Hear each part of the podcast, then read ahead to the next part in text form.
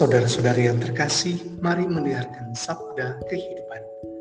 Lukas pasal 4 ayat 43 dalam Lukas pasal 4 ayat 38 sampai 44. Tetapi ia berkata kepada mereka, juga di kota-kota lain aku harus memberitakan Injil Kerajaan Allah, sebab untuk itulah aku diutus. Saudara-saudara yang terkasih, oleh mujizatnya, Yesus menjadi sangat terkenal di wilayah Kapernaum.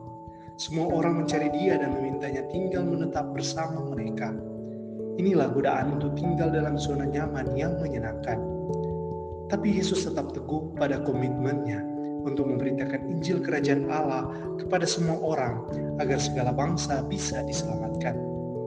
Sekalipun untuk tujuan ini, ia harus masuk ke zona yang sama sekali tidak nyaman dan penuh resiko baginya. Ia dimusuhi, dianggap aneh, tidak dihargai, berjuang sendiri, mengalami penolakan yang menyakitkan dan penuh derita. Yesus memilih keluar dari zona nyaman, mengambil jalan salib demi menebus semua umat manusia.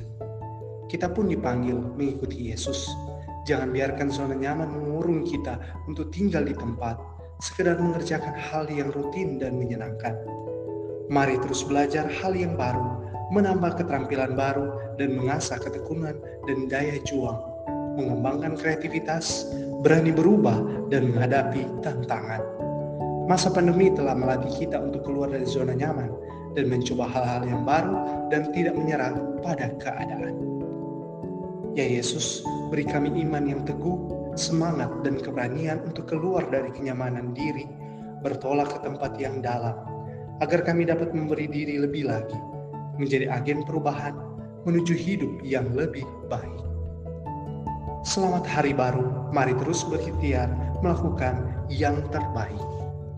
Pastor Revitano PR thank you